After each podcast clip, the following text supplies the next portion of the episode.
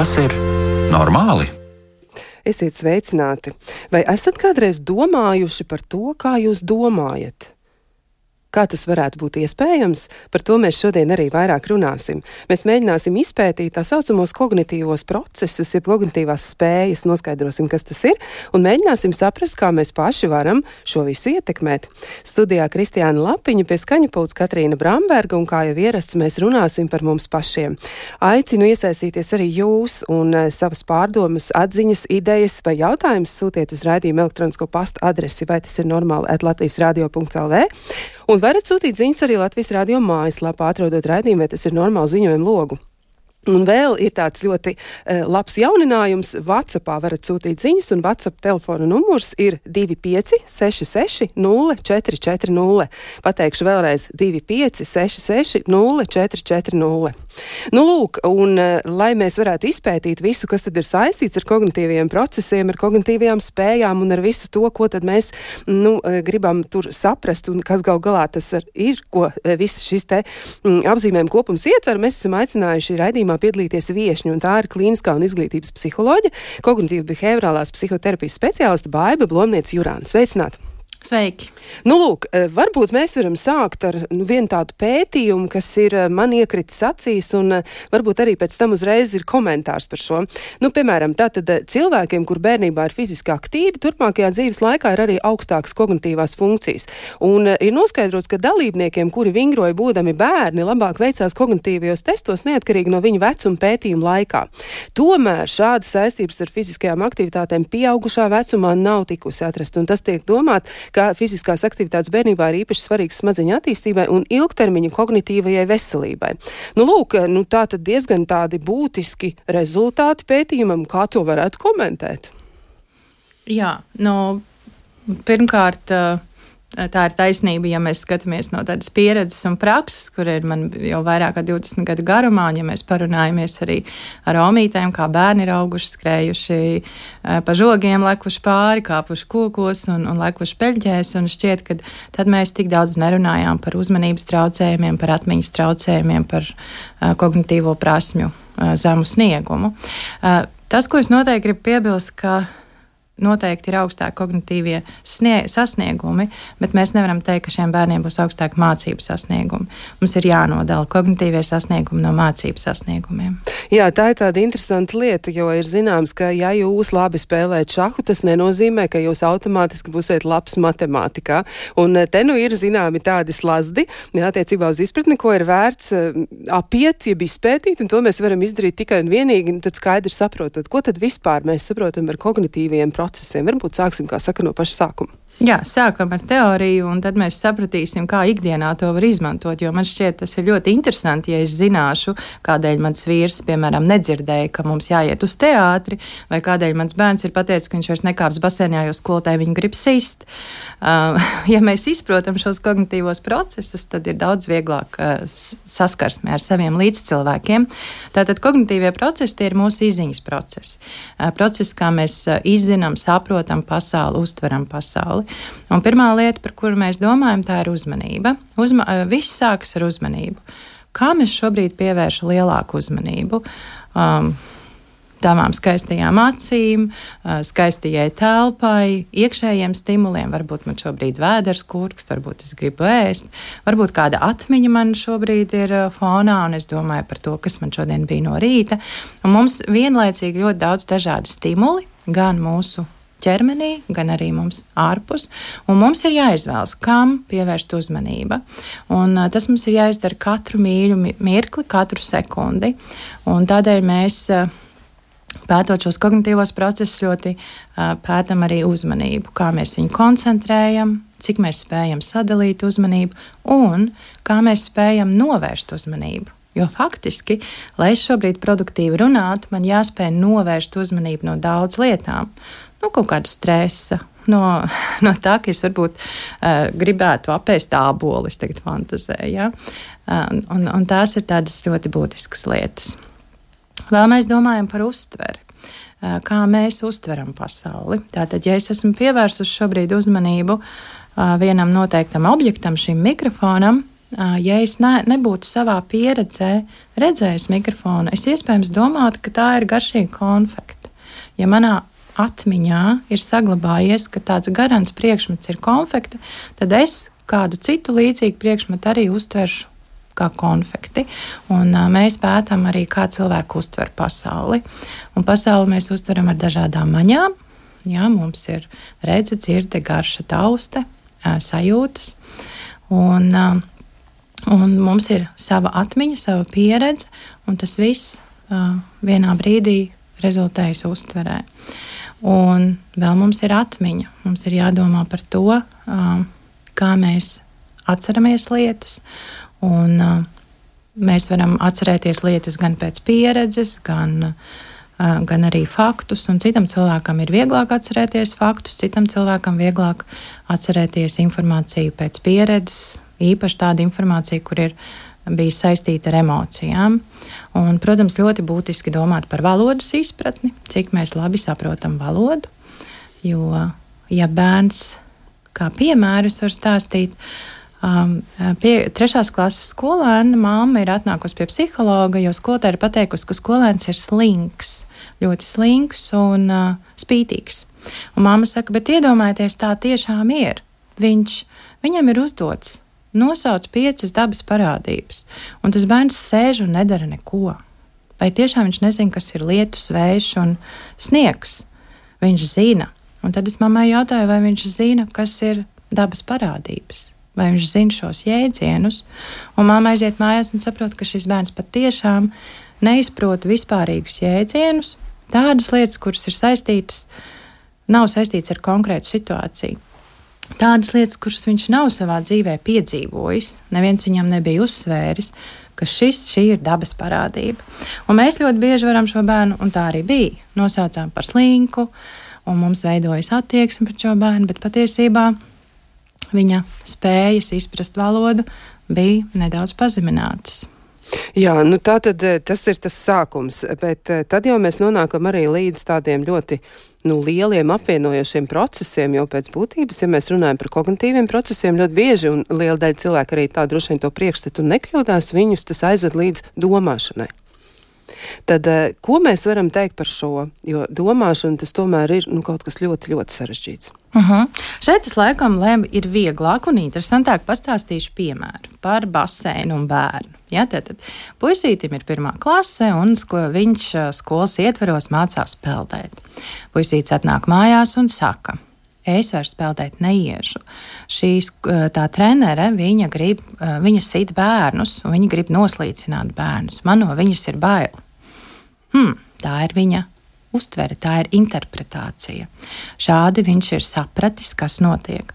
Tātad, uh, ja šis puisītis ir redzējis filmas vai piedzīvojis uh, tādus faktus, ka liels koks cilvēkam ir rokā, tad, ja viņš tos grib sist, tad viņš interpretē, ja skolotāja rokā garš kāds, tad vienīgais veids, ko viņi ar to var darīt, ir sišana. Viņam nav citas pieredzes. Viņš ir varbūt filmas skatījies, kur ar kokiem sit. Un šī ir pirmā reize, kad viņš varētu piedzīvot to pieredzi, ka ar lielu koku skolotāji var glābt šo bērnu. Tātad viņam, viņš izsauc no atmiņas šo pieredzi, un viņš interpretē to, ko viņš ir zinājis.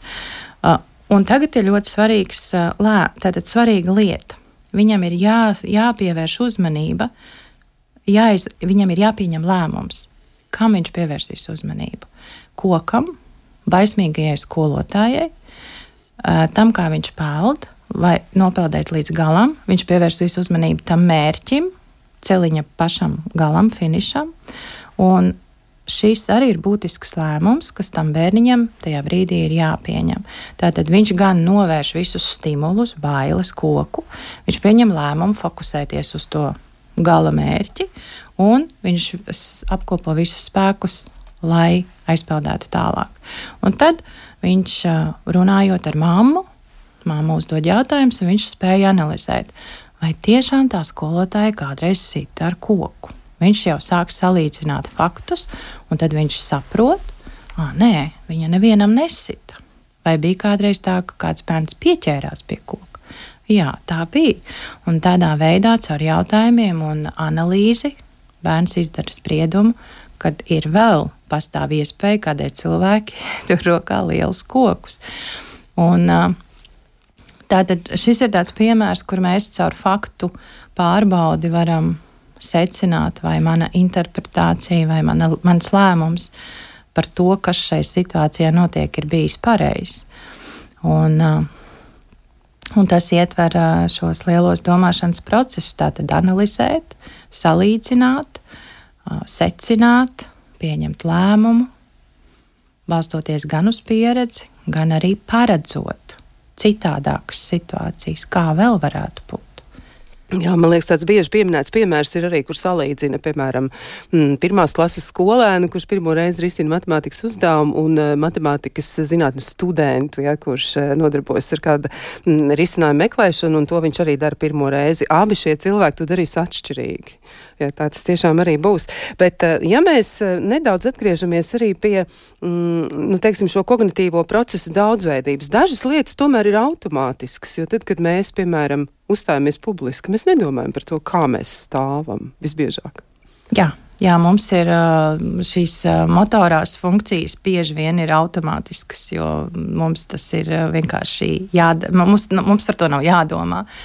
Tāpat kā es nedomāju, kad es ievilku šāpu vai kurā brīdī kā es kustēšos, tas tā tiešām notiek. Un arī uzmanību mēs ļoti bieži mākam automātiski pievērst tām lietām, kas mums tajā brīdī ir ļoti svarīga un īstenībā arī dzīvībai svarīga. Ja šobrīd būtu ļoti skaļš troksnis, es domāju, ka lai cik es gribētu tīši koncentrēt uzmanību uz to, ko mēs šeit runājam, mana uzmanība noteikti būtu pie tā trokšņa, jo tā, tas notiktu automātiski, ka tas ir dzīvībai svarīgi. Jā, man šķiet arī tas varētu būt ļoti labs pamatojums, eh, mēģinot argumentēt, kāpēc dažādiem cilvēkiem dažādās vidēs ir nepieciešami dažādi apstākļi, ja tāds konteksts varētu atšķirties. Jo ir cilvēki, kuriem patīk fonā, ka viņiem ir mūzika, un viņi var mācīties labāk, un ir citi cilvēki, kur saka, nē, nē, nē, man ir vajadzīgs absolūts klusums. Mm -hmm, jā, un tas, tas ir saistīts ar to, kā mēs spējam fokusēt uzmanību, sadalīt uzmanību vai novērst uzmanību. Un, uh, ir cilvēki, kuriem ir daudz vieglāk funkcionēt, tad, ja viņi vairākas, vairākus stimulus dzird vienlaicīgi, jo tad viņi uh, tīši fokusē uzmanību uz kādu vienu lietu. Uh, jo, ja cilvēkam uzmanība ir diezgan izkaisīta, viņam ir diezgan grūti uh, patstāvīgi pievērst uzmanību kaut kam vienam noteiktam. Jā.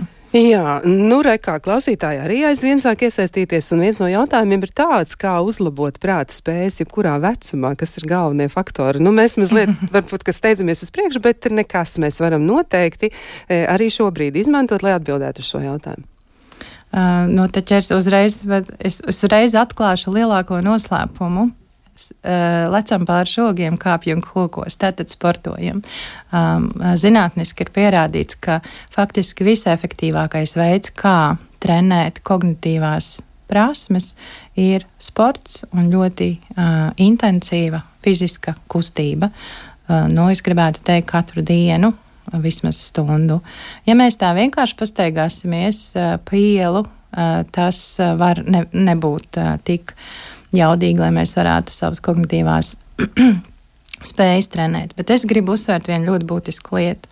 Mēs ļoti aizraujamies ar to, ka mēs satrenēsim atmiņu, satrenēsim uzmanību, un nu, mēs būsim tādi superspējīgi. Patiesībā ar to tā ļoti uzmanīgi. Jā, mēs varam uztrenēt savu spēju koncentrēties, savu reakcijas ātrumu, uztveres ātrumu, spēju sadalīt uzmanību, bet noteiktā lietā un vietā. Kā piemēram, pie manis uz praksi atnāk bokseris, kurš ir Baltijas līmenī pirmajās vietās. Fantastiska. Tātad šim cilvēkam ir ļoti laba koordinācija, uztveres ātrums, reakcija, bet viņš ir nesekmīgs latviešu valodā, angļu valodā, matemātikā. Un šim puisim ļoti smagi iet mācīties matemātiku. Un lai cik viņš ir uztrenējis šīs savas funkcijas, kā jau es minēju, uzmanību, reakcijas ātrumu, tas nenozīmē, ka viņš to varēs realizēt matemātikā. Tad, kad ir matemātikas stunda, viņam prāts nobloķējas, viņš raud, viņš vienkārši nespēja izpildīt šos vienkāršotos uzdevumus. Tātad mēs varam trenēt, skriet, soļot, nojot, radīt tādu intensīvu fizisku aktivitāti, un mums ir jāatcerās, ka tas ir ļoti veselīgi un labi mūsu prātam, bet tas nedod garantiju, ka tagad es sākšu strādāt par grāmatvedi un es būšu efektīva grāmatvede. Nu, visticamāk, ka nē. Jā, ir arī tāds mīts par to, piemēram, par šo pašu šaha spēlēšanu. Ja, ka tie cilvēki, kas spēlē šāhu un kuriem veicas tur diezgan labi, ka tad mēs no viņiem varētu sagaidīt arī sniegumu, nu, kaut kur citur, piemēram, politikas plānošanā, ja, vai kādās citās tādās nopietnās lietās. Un izskatās, ka tomēr, nu, tas gluži tā nav. E, un vēl arī ir e, atklāta tāda, zinām, sakarība, ja pareizāk sakot, sakarības trūkums starp mūzikas nodarbībām un mācīšanos, e, tātad instrumentu apguvi. Izskatās, ka mūzika diezko nepalīdz attīstīt kognitīvās spējas kaut kur citur. Kaut kur citur. Tieši tā, jo uh, mums ir jāatcerās, ka mēs jau neesam vienkārši roboti. Mēs tagad tā ļoti um, izrāvām no konteksta uzmanību, atmiņa, domāšana, uztvere. Bet tas viss ir saistīts vēl ar emocionālo sfēru. Um, Kā piemēru es vēlos, nu tātad šīs emocijas un attieksme un gaidas par procesu un interese par procesu ļoti ietekmē to, kā man veiksies. Kā piemēram, tad, kad es vadīju SOS jauniešu māju, man paralēli bija jā, jāveic grāmatvedība. Grāmatvedība bija nelaimīga katru mēnesi. Tas, cik daudzas kļūdas pielaidu, ir vienkārši ārprāts. Man liekas, man taču matemātikā bija labas atzīmes, bet nonstopā ir kļūdas. Man ļoti nepatika šīs darbs.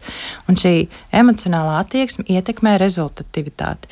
Tas nenozīmē, ka citās jomās es esmu tikpat, eh, man ir tikpat daudz kļūdas. Nē, es citās jomās varbūt esmu ļoti efektīva. Un, eh, jā, un, un tas mums ir eh, noteikti jāatcerās. Tā tas ir. Un, ja mēs domājam arī par, piemēram, par reizēm cilvēku raizēm par to, ja nu, viņš tiešām tā arī par sevi domā, lūk, man tur neiet pārāk labi, es cenšos šo darbu darīt, es daru no visas sirds un es mēģinu, un atkal un atkal es saņemu aizrādījumus par to, ka kaut kas nav īsti kā vajag. Varbūt ir vērts pievērsties tieši šai kognitīvajai daļai un mēģināt izpētīt, kas tieši ir tas, kas šim cilvēkam varētu padoties vairāk, un kas ir tas, kas viņu ierobežo. Jā. Noteikti. Un uh, to, to var darīt. Uh, droši vien mājās pats to neizdarīs, neizanalizēs. Bet uh, būtu, būtu vērtīgi, ja mēs katrs varētu zināt un saprast, uh, kuras darbības man. Uh, tādam neirotipam, kāds ir man, ir vairāk piemērots. Jo kognitīvās uh, spējas ir uh, iedzimtas. Tā ir tāda tīri neiroloģiski noteikta funkcija, kā mums uh, smadzeņu darbība funkcionē. Uh, ja man ir um, ļoti īslaicīga uzmanība un man ir ļoti grūti sadalīt uzmanību, tad visticamāk tas būs visu mūžu. Tas, ko es varu izdarīt, es varu trenēt noteiktās darbībās, šo uzmanību koncentrēt ilgāk.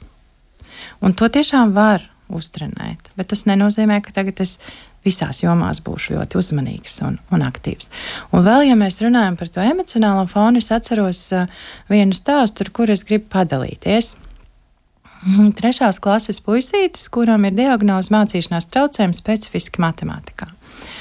Un, uh, viņam Vienīgais, ko es spēju izdarīt tajā brīdī, ar ko mēs sākām, es redzēju, ka viņam ļoti noraidoša attieksme pret matemātiku. Viņš tik līdz ierauga ciparus, uh, pilnīgi var redzēt, šim bērnam uzmanība pazūd, viņš, viņam pleci sašļūk, viņam sēja sašļūk, viņš jau jūtas nelaimīgs. Un tas, ko mēs darījām, mēs mainījām šo emocionālo attieksmi. Mēs spēlējāmies ar cipariem, mēs smējāmies, mēs rāpojām, mēs uh, tiešām fiziski kustējāmies, mēs to nedarījām pie galda. Un, uh, viņš turpināja arī iet uh, pie privāta skolotāja. Un patiešām viņa atzīmes uzlabojās no nesekmīgām balēm uz septiņi. Un, uh, tas tāds labs piemērs, uh, kas parāda arī to, ko pētījumi saka, ka emocionālā attieksme ļoti būtiski ietekmē to, kā es spēšu uh, iesaistīties tajā mācību procesā, vai tajā procesā, kas man ir jādara, gluži tāpat kā ar grāmatvedību. Tas, ko es darīju, es reāli strādāju ar savu emocionālo attieksmi. Un es domāju līdzi tam, kā es domāju. Jā, šis arī ir ļoti būtisks jautājums. Par to mēs noteikti arī runāsim. Kā tad ir domāt par domāšanu? Jā, jo tas ir diezgan būtiski. Bet um, vēl tāds jautājums no klausītājiem arī, kādi ir galvenie kognitīvie traucējumi, kad jāsāk aizdomāties?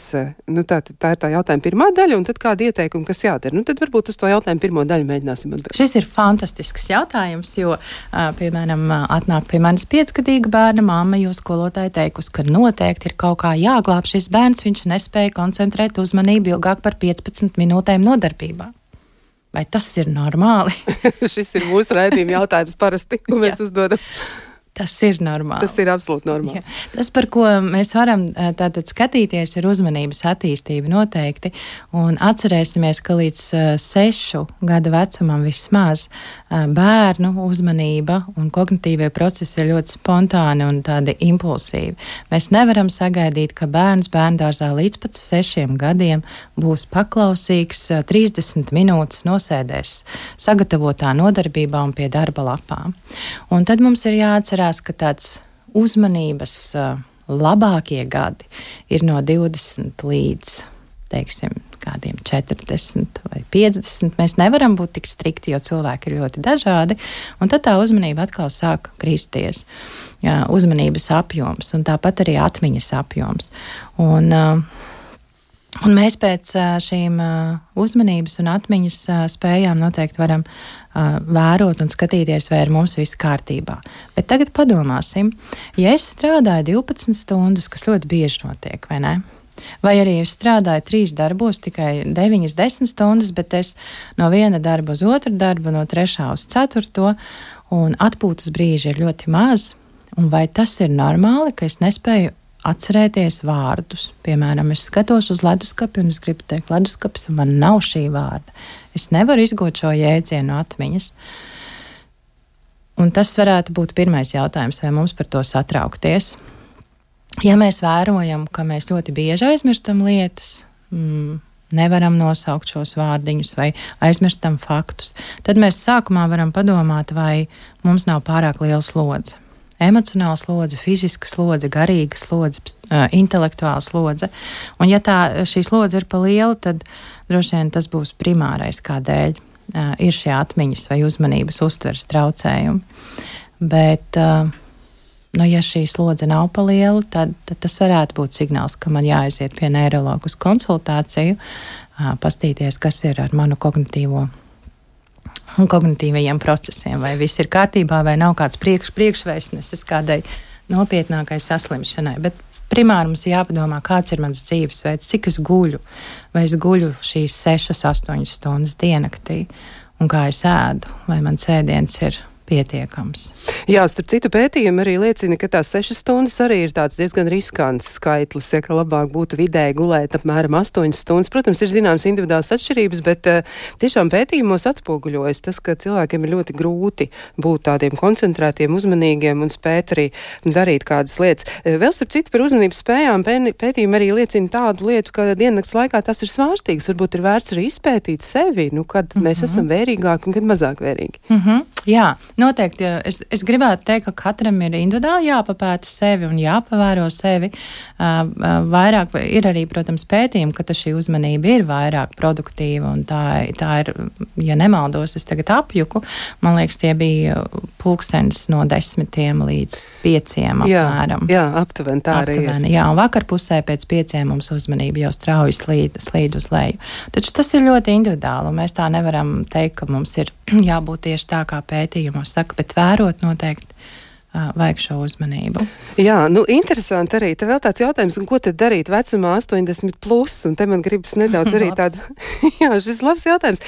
Ko tad tādā gadījumā darīt? Jo ir cilvēki, kur tiešām saglabā prāta spējas, viņiem ļoti gaišs prāts arī ļoti, ļoti ilgus gadus, bet ir inter interesantas lietas arī noskaidrots, un psihologi nodarbojoties ar šiem te pētījumiem ir secinājuši, nu, kaut vai, piemēram, par šo pašu uzmanības spēju, runājot, ka paliekot vecākiem, mēs paliekam it kā kognitīvi lēnāk, bet mēs esam efektīvāki. Līdz ar to iet pie kolēģa, kurš ir nostrādājis ilgākus gadus kādā uzņēmumā un cerēt, ka viņš dos viedu padomu, ir ļoti loģiski.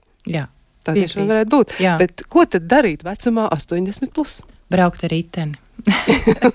Braukt ar riteni un slēpot. Bet, nu, protams, ka um, tas, ko mēs runājam par attīstību un par pētījumiem, nenozīmē, ka 80 plus uh, vecumā uh, būs uh, kognitīvo spēju absolūts kritums, kā jau tu teici, kad uh, jā, mēs lēnāk reaģējam, mēs. Uh, varbūt mazāks uztveres apjoms, mēs tik daudz, mēs nevaram uztvert to, ko mums saka ātri vai lielu šo informācijas apjomu, bet uh, analīzes spējas, domāšanas spējas tāpat saglabājās. Un, un tas ir lieliski. Un, uh, ja jautājums, ko darīt, tad es, uh, man šobrīd atmiņā stāv viens mūsu kaimiņu onkulis, kuram nu ir pāri 80, viņam ir Alzheimers, un viņš vēl joprojām ziemā katru dienu brauc ar riteni un spēlē harmoniku centrā. Un tas ir tik brīnišķīgi, jo tas cilvēks saglabā savu spēju funkcionēt ar visu to, ka viņam ir um, tāda bēdīga diagnoze, kura paredz, ka šie cilvēki neko nevar atcerēties, ka viņi nevar funkcionēt, bet ir, ir iespējams arī labi funkcionēt. Jā, tiesa gan. Nu, vēl arī tāds jautājums, vai ir atšķirības profesijās, kuras ir vairāk pakļautas, piemēram, atmiņas problēmām. Mēs par šo varētu padomāt, vai tā ir? Uh -huh.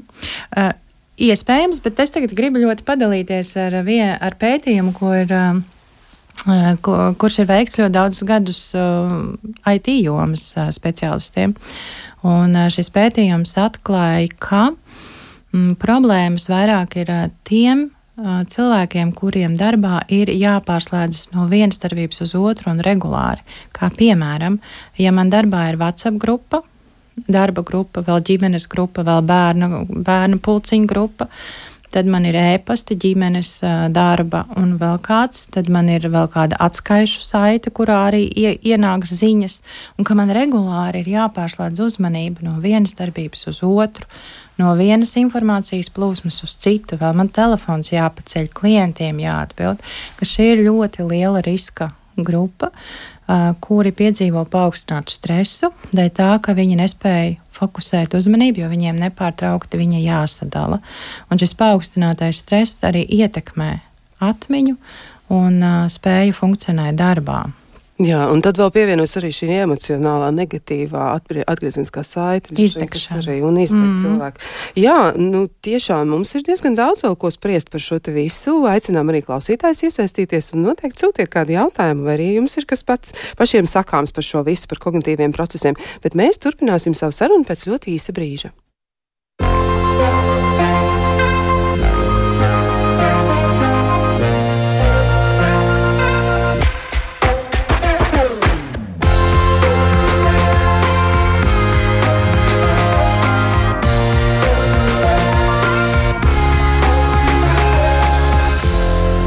Vai tas ir normāli? Mēs turpinām sarunu par kognitīvajiem procesiem, par kognitīvajām spējām, par to, kā varam tos attīstīt un eh, kā varam arī nu, mēģināt, varbūt vismaz eh, izpētīt sevi. Ja nu gadījumā mums rodas aizdomas pašiem par sevi, ka kaut kas īsti neiet labi, jo varbūt tur nav pamatā tas, ka mēs esam laiski vai neorganizēti, bet varbūt tur pamatā ir pavisam kas cits, un tas ir mūsu prāta īpatnības. Tātad eh, mēs varam izpētīt tās. Vēl arī pirms eh, mēs turpinām sarunu, gribu mm, atgādināt, ka mēs atbildam uz jūsu jautājumiem raidījuma laikā un sūtiet tos uz e-pasta adresi, vai tas ir normāli, Latvijas radio.lv. Arī varat izmantot ziņojumu logu Latvijas radio mājaslapā un, protams, arī WhatsApp numuru 256 04440. Nu, lūk, bet šis ir tas mirklis, kad es varu uzdot jautājumu studijas viesim.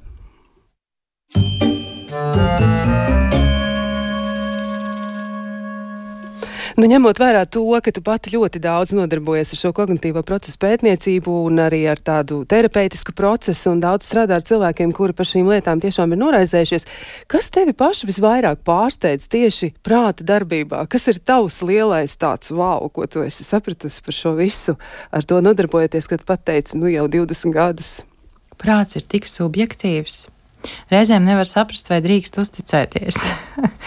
Jā, un uh, Mēs vā, varam no tās atmiņu glabātos izgūt tādus faktus, lai veidotu izpratni par to, kas šeit notika, un īstenībā tā pilnīgi neatbilst realitātei. Absolūti nē. Piemēram, es tagad uh, nestāstīšu par sevi, bet kādu citu piemēru. Uh, piemēram, uh, sieva vīram taisa ēst vakariņas un saka, parīt mēs dodamies uz teātri. Un vīrs tikmēr skatās, nezinu, kaut kādas ziņas. Viņš saka, mhm. Mm un pēdu vakariņas viss notiek labi, un pienāk tā diena, kad ir jā, jādodas uz teātri, un vīrs nav reaģējis. Un tas, ko tas prāts var uzbūrt, ir vienkārši super.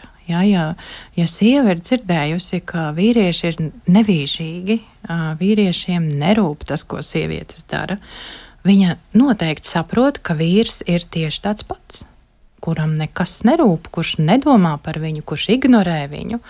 Un, uh, viņa vienkārši tā arī reaģēja, tā kā tas prāts viņai ir pateicis. Lai gan patiesībā vīrs tajā brīdī ir norūpējies par to, ko viņš ir izlasījis, piemēram, par Ukraiņas karu. Viņam tas viņa motivācijā, viņa uztverē un uzmanībā ir daudz dzīvībai nozīmīgāks fakts nekā teātris, kurš tāpat notiks, jo sieva pateiks.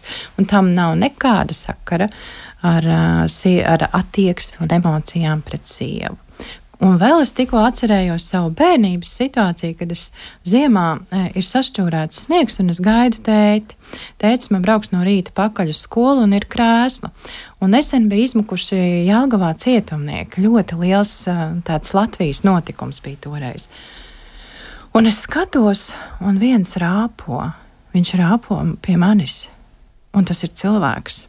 Un viņš rāpo aizvien ātrāk, un es redzu, un tā ir un man jāsāk mukt. Un tad brauc tētis, un braucam garām. Un bija, tas bija vienkārši sniega klucis, kuram bija zeme pielipusi melna klāta. Bet tas, ko tas sprāts uzbūr, ka turpat ir kustība. Ja? Sniega klucis mēs zinām, nekustās, bet prāts tam notic, jo bija fakti. Mēs salikām informāciju kopā un mēs uzbūrām skaistu ainu. Es ar savu prātu. Jā, tiešām tie ir tādi brīnumi mazi. Jā, mēs tā varam to varbūt sadzīviski apzīmēt, bet tā tiešām ir prāts izspēlē tādas joks. Vēl arī interesanti par atmiņu tieši runājot, ka apmēram 40% no atmiņām, kā saka pētnieki, nav īsti uzticamas. Ja? Tā, tās ir tādas falšas. Nu, lūk, vai šai gadījumā mēs arī nevaram to nedaudz ilustrēt arī, piemēram, ar tādu nu, tiesas zāles eh, problēmu, jo liecinieku atmiņas par to, kas ir notikušas reizēm, ir ļoti, ļoti apšaubāmas. Tad kā tik galā šāda veida problēma? Un it sevišķi, ja mēs nopratinām bērnus, es reiz strādāju policijā un tieši piedalījos nopratināšanās un arī tie, tiesā kā liecinieks bērnus aizstājot. Tā ir milzīga problēma un faktiski jau tā ir tāda lieta interpretācija. Jā, tā tas ir. Nu, vēl maz drusciņi mēs varbūt varam arī parunāt par to, um, kā tas notiek, kā vēl mūsu prāts spēlē jokus, jo ir dažas tādas, nu, kā lai pasaka, tādas um, domāšanas kļūdas, varbūt ne gluži kļūdas, bet domāšanas izkropļojumi. Un daži no tiem ir tādi ļoti, ļoti saudabīgi un interesanti. Es burtiski dažus piemērus varētu arī klausītājiem piedāvāt, un tad mēs varam varbūt arī šo mazliet vairāk komentēt. Nu, piemēram, cilvēki mēdz pārvērtēt savu ietekmi uz tiem notikumiem, e, kuru veiksmīgā iznākumā viņi ir ļoti, ļoti ieinteresēti. Ja? Tā kā viņiem gribētos, lai tur viss notiek labi. Un e, savu laiku amerikāņu psihologs Langers, e, tas bija ļoti, ļoti sen, ja tas bija 1975. gads, viņš veica eksperimentu ar loterijas biļetēm. Droši vien, ka tu atceries ja? E, par šo eksperimentu. Un e, divās grupās sadalīja cilvēkus vienā tātad. E, ir tie, kur var izvēlēties paši, un otrā savukārt nu, tika izdalītas e, e, šīs loterijas biļetes. Un divas dienas pirms e, izlozes eksperimentētāji dalībniekiem abās grupās piedāvāja apmainīt savu biļeti pret citu, sakot, ka ir jauna loterija un tur ir lielāks izredzes uzvarēt. Un šis priekšlikums patiešām šķiet ļoti izdevīgs, bet tie dalībnieki, kuri bija paši izvēlējušies savas biļetes, nesteidzās ar to biļešu nomaiņu. Tad kā mēs to varam izskaidrot, kāpēc viņi tik ļoti pieķērās idejai, ka viņi varētu laimēt? Um, ticība. ticība, doma, ideja, kurai mēs pieķeramies, ka tā ir, ka tā būs. Jā, tā tas arī tiek skaidrots, ja, jo ir tāda ļoti subjektīva šī te uztvere, tas, ko tu teici, ja, tātad mm -hmm. par to, ka cilvēks ir ļoti subjektīvs un arī, protams, e, šie te domāšanas izkropļojumi, viņi arī, nu, liecina par to, ka kaut kas nav gluži saliekams pēc tiem, nu, tā kā, kā mēs gribētu, pēc tiem loģiskajiem mm, parametriem, kādos plauktiņos mēs to nevaram salikt. Nu, vēl arī tādas interesantas lietas ir par e, selektīvo uztveri runājot, vai arī vēl par kaut kādām citām lietām. Nu, piemēram, vēl ir tā saucamā saucamais bārnuma efekts, kas arī ir eh, ļoti interesanta lieta. Piemēram, nu, tas attiecas uz tiem cilvēkiem, kas lasa horoskopus. Ja? Un tad, kad lasa horoskopu, tad liekas, nu, viss tas, kas ir uzrakstīts, nu, tieši par mani. Tad arī šo droši vien mēs varam zināmā mērā uzlūkot kā problēmu. Problēmu, jo? Nu, jo mums ir tāda izteikta vēlme noticēt tam labajam, mēs ignorējam arī tādas nosacīt negatīvas lietas. Jā, nu mēs atlasām faktus, kas atbilst mūsu idejai. Tas... Ja man liekas, ka mans auto uh, ir vislabākais, tad es redzēšu visu to informāciju, kas par to runā, un es ignorēšu to informāciju, kura par to. Uh, neko nesaka.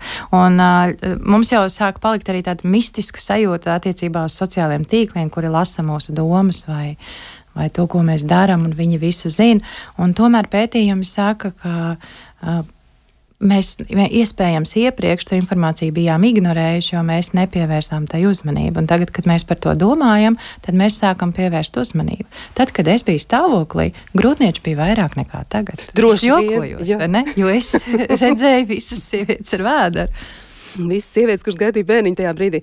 Jā, nu mums lasītāji raksta, labvakar, paldies par jauko raidījumu. Mans jautājums, vai kāša spēle, kaut vai zolīte, ja, tāda ierasta lieta, palīdzētu ilgāk saglabāt skaidru prātu? Kā tad ir? Jautājums, kas ir skaidrs prāts? Mūsu ome vēl zem 80 spēlēja kartes ar mūsu mazbērniem un apspēlēja visus.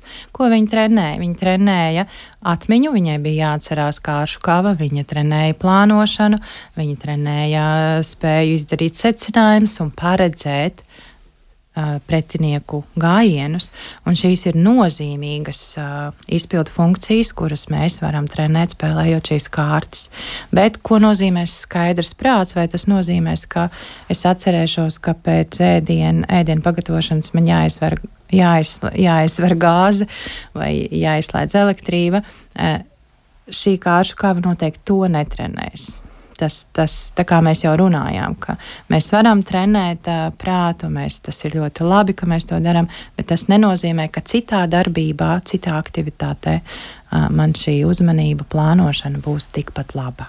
Jā, nu vēl atsaucoties arī uz to, ko tu saki, es atradu arī pētījumu, kas runā par to, ka valodu mācīšanās zināmā mērā palīdz nedaudz cilvēkiem nu, spēt fokusēties kādu laiku labāk, jā, vai koncentrēt uzmanību, bet šis efekts ilgst nu vidēji trīs mēnešus, un tad ir tā, ka viņi, nu, kā mm -hmm. teikt, atlec atpakaļ. Visas lietas palīdz, jā, runa ir par ilgtermiņu un par to, ko, mē, ko tad mēs īsti sagaidām runājot par tādu labā, labu prāta darbību, kas, kas tad ir tās lietas. Un, um, mums ir jāatcerās, ka mēs tomēr sadalām šo prāta darbību dažādās uh, šajās funkcijās, valodas prasme, uzmanība, atmiņa, uztvere, un, un to visu vēl ietekmē mūsu pieredze, pagātne, emocijas, motivācija, intereses. Tas ir tāds tik komplicēts process, ka uh, tāpēc. Uh, Man ļoti patīk teikt, ka jā, dejojam, kustamies, spēlējam kārtas, muzicējam, darām visas šīs aktīvās lietas, kuras patiešām tajā brīdī aktivizē smadzeņu darbību, aktivizē abas smadzeņu pusložu sadarbību un uh, ir lieliskas lietas. Taču atceramies, negaidām pārāk augstus rezultātus. Jā, nu vēl arī tādi secinājumi ir par eh, mācīšanos, jo mācīšanās ir enerģētiski ļoti, ļoti ietilpīgs tāds eh, process, kas prasa milzīgas resursus. Tad eh, ko par to būtu vērts zināt? Nu, piemēram, plānojot mācību slodzi vai arī vēršoties pie sevis, ja kā pie cilvēka, kas varbūt sevi kritizē un saka, nu tā, tu tagad nevari iemācīties visu šo te zināšanu blāķi, bet patiesībā tas nemaz nav tik viegli izdarāms. Mm -hmm. Mums ir jāvēro sevi, mums ir jāvēro savu domāšanu, cik daudz es varu koncentrēties, cik lielu informācijas apjomu spēju uztvert. Vai es spēju uztvert labāk lasītu informāciju, vai es labāk spēju uztvert dzirdētu informāciju, vai varbūt man vajag vizuāli šo informāciju attēlot. Mums ir jāvēro, kurā diennakts daļā man ir vieglāk uztvert un atcerēties. Un mums ir jābūt tādiem ļoti piedodošiem, jo pētījumi par atmiņu uh, rāda, uh, ka pēc 30 dienām mēs aizmirstam 90% no informācijas. Un jau pēc stundas mēs aizmirstam 50% no informācijas, kura nav bijusi man interesanta un saistoša ar kaut kādu kontekstu. Tātad pieņemsim domu, ka uh, skolēnam ir jāmācās uh, algebra, kura viņam nesaista, kur viņš vispār nesaprot sa sa saikni ar viņa uh, ikdienas dzīvi, ir skaidrs, ka šis skolēns vakarā var pusi aizmirst un ir jābūt piedodošam pret sevi, ka tā vienkārši notiek. Ja? Tā tad vērot sevi, saprast, kurā brīdī kā es labāk domāju, un atcerēties, ka aizmirst ir normāli. Jā, aizmirst patiesi ir normāli. Var teikt arī, ka viena no atmiņas funkcijām ir aizmiršana, spēt Jā. aizmirst lietas. Jā, lai mēs nesajuktu prātā un varētu darīt to, kas mums patiešām ir jādara. Tieši tā. Nu, lūk, bet eh, tāds jautājums arī ļoti konkrēts, kā palīdzēt bērniem attīstīt un stiprināt prāta spējas. Nu, ja mēs pieņemam, ka mēs atgrieztos laikā, ja, nu, pirms kaut kādiem pāris gadu desmitiem un varētu varbūt kaut ko novēlēt sev vai padomāt par to, ko tad mēs varam darīt. Un, protams, šis jautājums varētu interesēt arī tos cilvēkus, kuriem šobrīd ir blakus bērni. Jā. Jā, un es um, teikšu noteikti, uh, lai ļaujiet viņiem dejot, uh, dziedāt, sportot un darīt visas aktīvi, aktīvas lietas, kur ir jā, jā, jāiesaista abas. Abas ķermeņa daļas, krusteniski, roka, kāja, tā, tā, ir slēpošana, tā ir riteņbraukšana, tā ir peldēšana, tas ir futbols, basketbols un vēl kaut kādas lietas, ko es nevaru iedomāties. Dēļas. Viņš kāpšana. Arī, jā, ļoti labi. Bet atceramies, mums vajag regresēt. Mums vajag nedarīt neko, mums vajag aizmirst, mums vajag pasēdēt mierā vismaz divas stundas. Un ja mēs tagad paņemam tādu viena bērnu dārznieka dienas ritmu, ka viņš līdz septiņiem ir bērnu dārzā, un bērnu dārza uh, diena ir ļoti noslogota, ir tikai vien, divas, trīs stundas, kad bērni nedara neko, kad viņi atpūšas. Pārējo laika daļu viņiem intensīvi jāuzņem informācija, un viņiem ir jābūt kognitīvi noslogotiem. Un ja pēc tam mēs vēl bērnu vadām dejot un aktīvi nodarboties, mēs faktiski pārdecinām bērnus. Un tad mēs saņemam jau agrus pusauģus. 12 gados man jaunākā meitene, kurai bija veģetīvā distonija kliente, bija 8 gadu vecumā. Manuprāt, tā ir tā ir diezgan tāda sociāla traģēdija, ka mēs pat daudz noslogojam bērnus, gribot viņus attīstīt, mēs pārticinām. Jā, nu vēl arī runājot par to, kas ir varbūt tās modernās dzīves sastāvdaļas, ja, jo mēs domājam arī par virtuālo vidi, kas patiesībā ir tieši tikpat reāla kā reālā vide, ja, kur mēs esam pa īstam, un tur mēs arī esam pa īstam. Mm, tad, eh, cik es zinu, Amerikā jau ir bijušas, eh, nu vismaz viena tiesas prāva pilnīgi noteikti saistībā ar aplikācijām, kur solīja uzlabot kognitīvās mm -hmm. spējas cilvēkiem. Ja.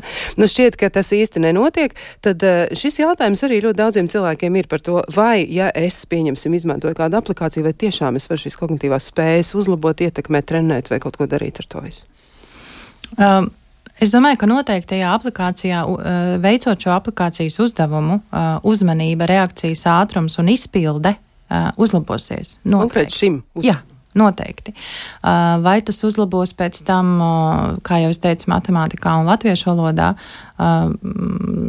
Visticamāk, ka nē, un pētījumi arī to pierāda, ka, ka īsti nē jā, caur kustību un koordinējošiem vingrinājumiem mēs varam tren, trenēt uh, smadzeņu uh, šos kognitīvās funkcijas, tātad uzmanību un atmiņu. Ir pētījums pieaugušajiem, uh, kurš parāda, ka tad, ja mēs iesaistam kustību koordināciju līdzsvaru, šādus vingrinājumus kopā ar iz, intelektuālu darbu, tātad jāatceras dzējolīts vai jāmācās kāda saskaitīšana, tad uzlabojās darba atmiņa. Tātad tās ir tādas multiplas lietas, kas mums ir jādara. Un uh, vēl ir pētījumi, kuri saka, tikai un vienīgi veicot kustību koordinējošos vingrinājumus, uh, uzmanība darba atmiņa un mācību sasniegumi nepieauga. Jā, Jā? Nu, tā tad jāliek kopā lietas. Tātad mums jāliek kopā lietas. Mums ir jāintegrē uh, tas, ko mēs ar prātu domājam, un jāliek kopā ar kustību.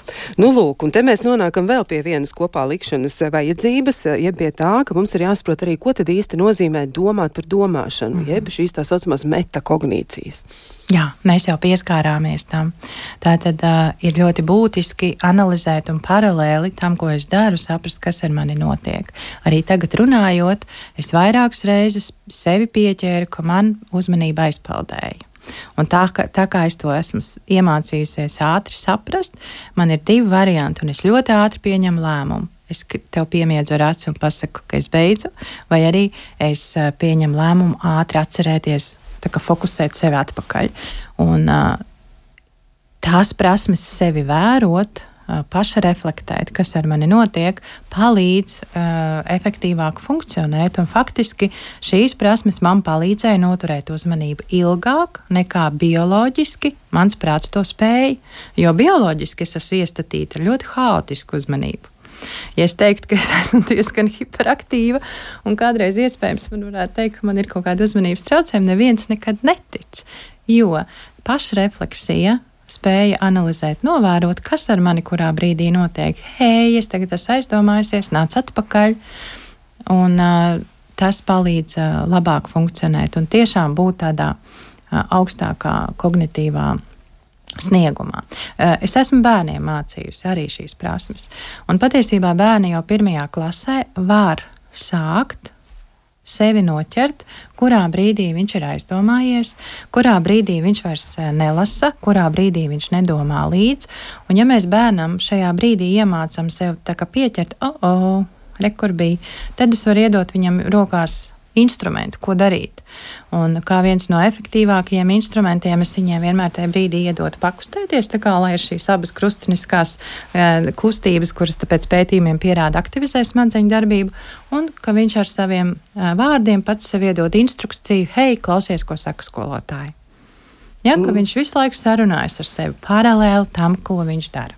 Jā, nu tā tad eh, tas tiešām ļoti labi varētu darboties, bet kā arī pieaugušam cilvēkam tomēr noķert sevi tajā, jo tas noteikti uzlabo dzīves kvalitāti un šo kognitīvo spēju izmantošana, nu, dara brīnums, ja mēs varam arī izvēlēties cita veida reakciju kādā ļoti, ļoti ierastā situācijā. Tad kā iemācīties cilvēkiem pamanīt šīs lietas, ka es varbūt varu reaģēt savādāk. Jo vēl ir arī viena būtiska, nu tāpat nav nianses, bet ļoti svarīgi ir saprast to, ka arī empātija ir saistīta mm -hmm. ar mhm. kognitīviem spējām. Jā, jā, empātija jau ir saistīta ar to, ka spēj saprast, kas, eh, ko domā cits, ka spēj paredzēt lietas un pagriezt šo informāciju pretēji. Ja? Un, un, un bez eh, kognitīvās attīstības to, to noteikti nevar izdarīt. Um, Tātad um, es aizpildēju ar, ar savu uzmanību, tad, tad, ko pieaugušajiem darīt. Jā, jā? tieši tā. Mm -hmm. Kā pieaugušajiem domāt, nu, ļoti, ļoti līdzīgi. Jā? Piemēram, es šobrīd ļoti koncentrējos uz to, lai es darbā mēs būtu tādi domāšanā efektīvi un ātri. Tātad, ja, es, ja man ir um, viens ēpasts, otrs ēpasts, trešais, un es jau vairs vienā brīdī sev pieķeru, ka es vienkārši skatos vienā punktā, hei, Es atgriežos, ko es tikko darīju, izlasīju e-pastu, un tā iekšējā saruna. Es pabeigšu izlasīt šo, man tagad zvana, ienāk priekšnieks, ir vēl kaut kas, un es sev saku, es pabeigšu izdarīt šito. Un citiem arī es vēl spēju nokomunicēt un pateikt, es uzrakstīšu teikumu, tikai tad, kad es vienkārši neļauju pati ar sevi sarunājoties, neļauju darīt neko citu, es neļauju uzmanībai aiziet nekur citur, es vienkārši koncentrēju sevi atpakaļ.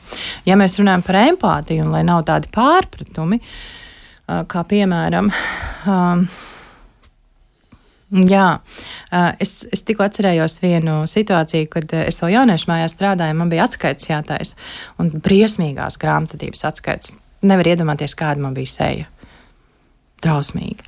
Un nāk garām jaunieši, un viņi ieraug šo seju. Ja? Un viena meitene tā ļoti uh, uz āru vērsta. Viņa saka, ko es tev atkal izdarīju? Un tagad iedomājies, uh, es esmu grāmatvedībā koncentrējusies, ir, un es to darīju, dabūju ilgi darīt, ir pār desmitiem vakarā. Es esmu nogurusi, man vairs nav prāts spējas koncentrēties, un man ir iebis šis darbs. Un viņa vēl saka, ko es tev atkal esmu izdarījusi? Uh. Tātad man ir jāspēj aizmirst, novērst uzmanību no tā, ko es darīju. Man ir jāspēj ieraudzīt, kas ar viņu notiek, pamanīt viņu un redzēt, ka viņa ir sabijusies. Nevis man brauc augumā. Jo, ja es nespētu redzēt, ka viņa ir sabijusies, es viņai teiktu, kaut ko ļoti skaļi un nikni. Un mums būtu kārtīgs strīds. Ja? Tad man ir jāspēj pamanīt, kas, kas ir ar otru cilvēku. Bet, lai es to izdarītu, man uzmanība jānovērš no tā, ko es tikko darīju. Man jāpievērš tikai viņai, un jāspēj domāt, kas notiek ar citu cilvēku, un jāspēj analizēt, kas tikko bija ar mani, kas varēja izsaukt viņai šādu reakciju. Un tas man jādara ātri, vienā sekundē, jo citādi mums ir var sanākt strīds, ja es sevi neapstādinu. Jā, jo tas stimuls jau ir pretī aizstāvēties, ka tu esi noguris. Gribas jau pretī kaut ko dusmīgi pateikt.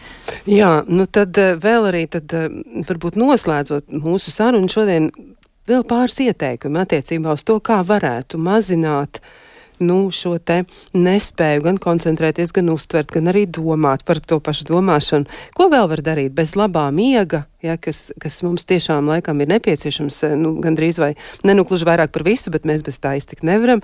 Arī bez kustībām, tātad tās arī ir ļoti svarīgas, sevišķi šīs krusteniskās kustības, slēpošana, ja tas, ko tu minēji, un daudz citas lietas, kas vēl būtu nozīmīgs, ko vēl būtu vērts ņemt vērā, lai kognitīvos procesus tomēr spētu nodrošināt un viņi iespējami labākā kvalitātē mums būtu. Nu, pirmkārt, um, es gribētu teikt, tāda domāšanas higiēna. Uh, neļaut, kā jau es tikko teicu, savām domām skriet pa labi, pa kreisi, uh, koncentrēt, ar tīši koncentrēt uz vienu darbu, un uh, tajā brīdī, un arī pavērot, kas notiek man apkārt ar ģimeni, kas notiek attiecībās ar cilvēkiem, jo mūsu emocijas un attiecības ļoti būtiski ietekmē spēju analizēt un domāt. Ja es esmu ļoti norūpējusies par par kādu savu tuvinieku vai par savām attiecībām, vai man viņas būs, tas arī var ļoti būtiski traucēt koncentrēties darbam, domāt līdzi, kā rūpēties. Rūpēties par šo higiēnu un neļaut sevi pārkraut ar darbiem un neuzņemties desmit darbus vienlaicīgi. Jā, šo te arī varētu ņemt vērā un droši vien vērts iedrošināt klausītājs, lai viņi tiešām uzdrošinās, nevajag tos desmit darbus. Viņi varētu pateikt darba devējiem, ja jūs gribat, lai es labi strādāju un efektīvi strādāju, tad es darīšu šīs lietas, un pēc tam citas. ļoti labs ieteikums. Es ceru, ka klausītāji mūs sadzirdēja un ka viņi arī šo padomu izmantos. Tiešām mēs gribam jūs iedrošināt, jo tā arī būs. Ja jūs koncentrēsieties uz kaut ko vienu, jūs to izdarīsiet labāk. Ja jūs mēģināsiet izdarīt desmit darbus vienlaicīgi, kas to zina, kā var sanākt. Jā, šajā brīdī teikšu paldies raidījumu viešnieki klīniskajai un izglītības psiholoģijai, kognitīvi behaviorālās psihoterapijas speciālistei Baibai Blomniecei Jurānai.